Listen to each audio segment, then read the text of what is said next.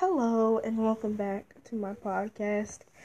I am so sorry to inform you that I will not be doing podcasts anymore. I am working on trying to delete my account on Anchor, which is very sad because I like doing it.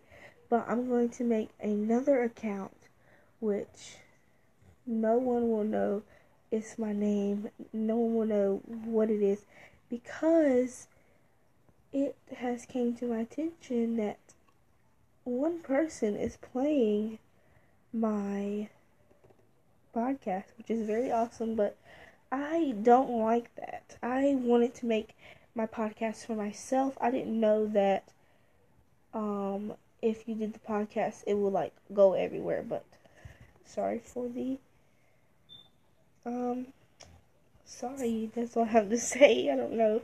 It's very sad, but I'm gonna make another one.